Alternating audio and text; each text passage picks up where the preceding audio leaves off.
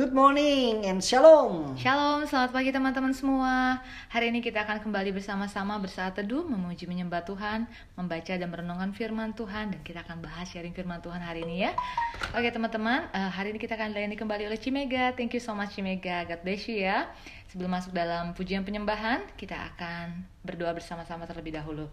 Bapa dalam surga, kami mengucap syukur Tuhan Yesus untuk pagi hari ini Tuhan. Kembali kami mau datang memuji menyembah Engkau Tuhan. Kami percaya Tuhan Yesus bahwa Engkau Allah yang selalu setia dalam kehidupan kami. Engkau Allah yang memelihara kehidupan kami. Kami mau serahkan Tuhan Yesus seluruh aktivitas kami sepanjang hari ini ke dalam pimpinanmu.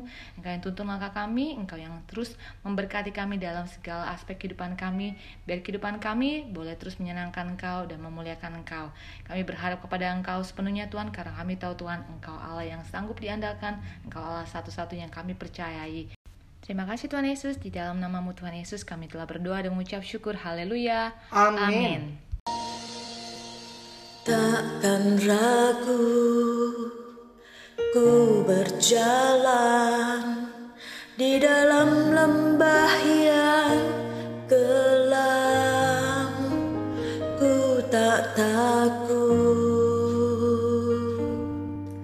sebab engkau besertaku.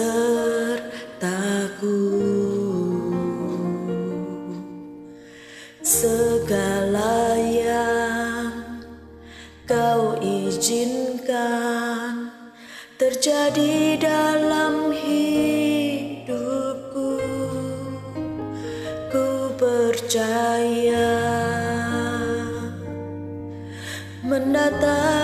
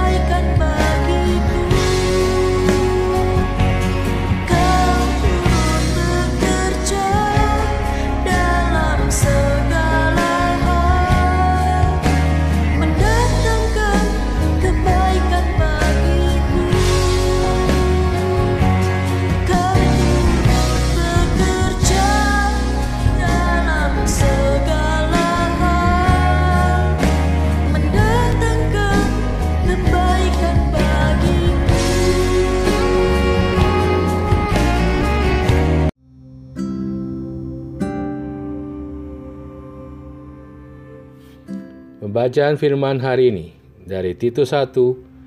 Demikian firman Tuhan. Salam. Dari Paulus, hamba Allah dan Rasul Yesus Kristus untuk memelihara iman orang-orang pilihan Allah dan pengetahuan akan kebenaran seperti yang nampak dalam ibadah kita. Dan berdasarkan pengharapan akan hidup yang kekal yang sebelum permulaan zaman sudah dijanjikan oleh Allah yang tidak berdusta. Dan yang pada waktu yang dikendakinya telah menyatakan firman-Nya dalam pemberitaan Injil yang telah dipercayakan kepadaku sesuai dengan perintah Allah Juru Selamat kita. Kepada Titus, anakku yang sah, menurut iman kita bersama kasih karunia dan damai sejahtera dari Allah Bapa dan Kristus Yesus, Juru Selamat kita, menyertai engkau. Tugas Titus di Kreta, syarat-syarat bagi penatua, pemilik jemaat, Aku telah meninggalkan engkau di kereta dengan maksud ini supaya engkau mengatur apa yang masih perlu diatur dan supaya engkau menetapkan penatua-penatua di setiap kota seperti yang telah kupesankan kepadamu, yakni orang-orang yang tak bercacat, yang mempunyai hanya satu istri, yang anak-anaknya hidup beriman dan tidak dapat dituduh karena hidup tidak senonoh atau hidup tidak tertib. Sebab sebagai pengatur rumah Allah, seorang penilik jemaat harus tidak bercacat, tidak angkuh, bukan pemberang, bukan peminum, bukan pemarah, tidak serakah, melainkan suka memberi tumpangan, suka akan yang baik, bijaksana, adil, saleh, dapat menguasai diri, dan berpegang kepada perkataan yang benar, yang sesuai dengan ajaran yang sehat, supaya sanggup menasihati orang berdasarkan ajaran itu dan sanggup meyakinkan penentang-penentangnya. Karena sudah banyak orang hidup tidak tertib, terutama di antara mereka yang berpegang pada hukum sunat. Dengan omongan yang sia-sia, mereka menyesatkan pikiran. Orang-orang semacam itu harus ditutup mulutnya, karena mereka mengacau banyak keluarga dengan mengajarkan yang tidak-tidak untuk mendapatkan untung yang memalukan. Seorang dari kalangan mereka, nabi mereka sendiri, pernah berkata, "Dasar orang kereta pembohong, binatang buas, pelahap yang malas." Kesaksian itu benar, karena itu tegurlah mereka dengan tegas supaya mereka menjadi sehat dalam iman, dan tidak lagi mengindahkan dongeng-dongeng Yahudi dan hukum-hukum manusia yang berpaling dari kebenaran. Bagi orang suci semuanya suci, tetapi bagi orang najis, najis dan bagi orang tidak beriman supaya pun tidak ada yang suci, karena baik akan maupun suara hati mereka najis. Mereka mengaku mengenal Allah, tetapi dengan perbuatan mereka, mereka menyangka. Iya, mereka keji dan durhaka dan tidak sanggup berbuat sesuai yang baik.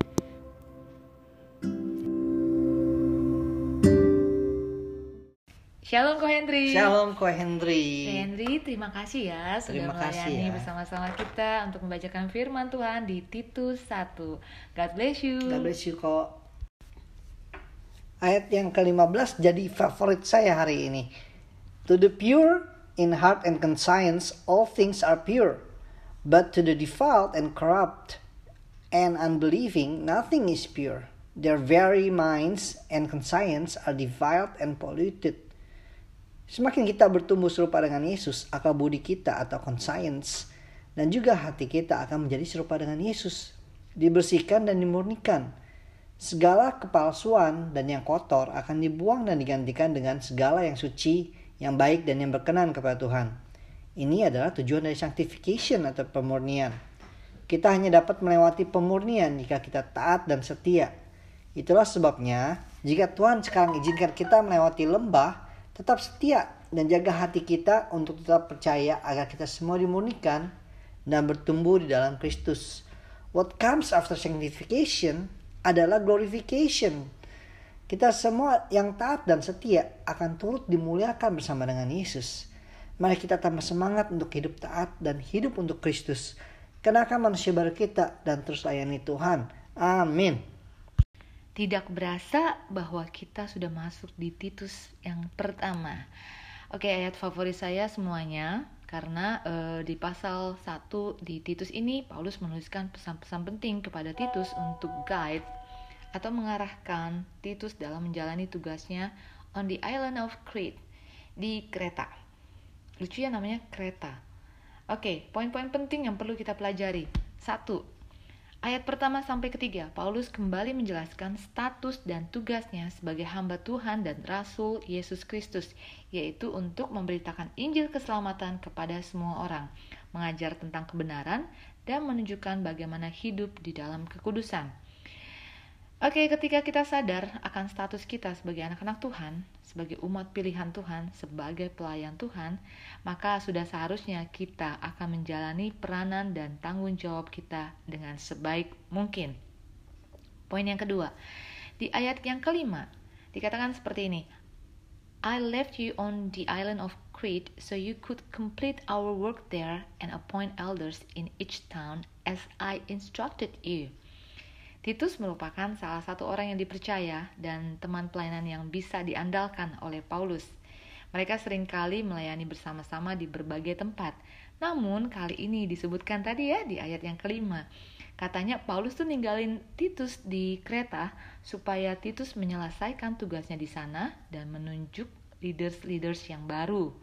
Kalau dari cerita ini kita nggak tahu ya apakah Paulus sengaja meninggalkan Titus atau ada alasan-alasan tertentu supaya Titus bisa menunjukkan potensinya. Apa pun itu alasannya, yang pasti kita mau belajar sama-sama di sini bahwa ada kalanya kita sebagai pelayan Tuhan memang perlu dipush. Kalau bahasanya saya tuh dijorokin gitu. Makanya nggak heran ya teman-teman di kul kadang-kadang saya suka um, encourage kalian. Kadang-kadang suka suka saya jorokin, ayo kamu tugas ini, ayo kamu tugas ini yuk melayani di sini, melayani di bagian ini. Karena saya tahu bahwa kalian itu semua pasti mampu karena Tuhan yang memberikan kemampuan bagi kita semua ya. Bukan berarti bahwa leader kita itu main tunjuk atau tugasin kita ini itu tanpa alasan. Contohnya kalau di KU, uh, saya dan David ketika kami menunjuk atau memilih seseorang atau beberapa teman-teman di dalam KUL untuk melayani tugas tertentu, untuk menjalani tugas sebagai contoh sebagai WL atau sebagai um, pendoa dan lain sebagainya, kami percaya bahwa orang tersebut mampu, orang tersebut bisa, dan kami juga nggak main ninggalin aja, ditinggalin begitu gitu. Tapi kami tetap memonitor dan kami tetap memantau mereka, dan kami bahkan e, menanyakan apa yang bisa dibantu atau ada yang bisa di backup atau apa pun juga tujuannya supaya kita semua sama-sama berkarya, kita semua sama-sama memaksimalkan setiap potensi, setiap talenta dan kemampuan yang Tuhan percayakan kepada kita dengan baik. Kalau misalnya nggak dijorokin gitu ya, kayaknya uh, nanti bilangnya ah nggak mau nggak mau nggak mau. Pasti banyak penolakan. Tapi ketika kita ayolah you can do it, you can do it, you pasti bisa, cayo semangat. Kita percaya bahwa kita semua pasti bisa, bukan karena kekuatan kita, tapi Tuhan yang memberikan kemampuan bagi kita, dan kita harus sadari bahwa kalau Tuhan sudah pilih kita, Dia tentunya akan memperlengkapi kita, Dia akan memampukan kita, Dia akan memberikan kita kesanggupan, dan jalani aja, lakukan yang terbaik, karena kita tahu bahwa semuanya ini kita lakukan bagi kemuliaan nama Tuhan ya. Oke. Poin yang ketiga, ayat 6 sampai 9, Paulus memberikan instruksi kepada Titus dalam memilih leaders. Ini pernah juga disampaikan oleh Paulus kepada Timothy ya. Kita sudah baca di 1 Timotius 3 bagaimana syarat-syarat seorang leaders. Dan di sini juga disebutkan oleh Paulus kepada Titus syarat-syarat sebagai seorang leader.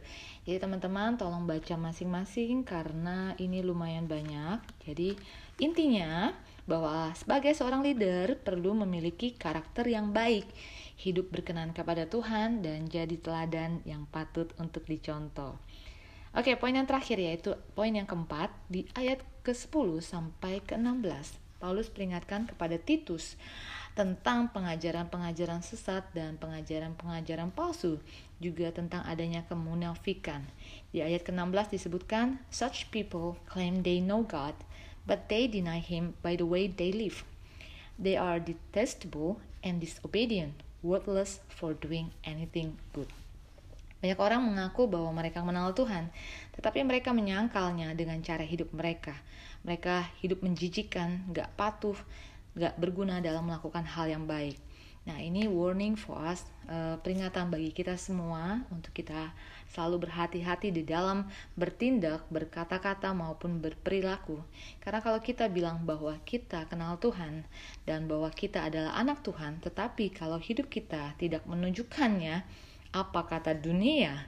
So, teman-teman, ya kita mesti bertobat. Ya, kalau misalnya kita memang bilang kita anak Tuhan, ya kita harus tunjukkan bahwa kita adalah anak Tuhan dan jadi terang Kristus di mana pun kita berada.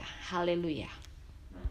Oke teman-teman, terima kasih. Sampai ketemu lagi besok. Semangat selalu. God bless you. God bless you.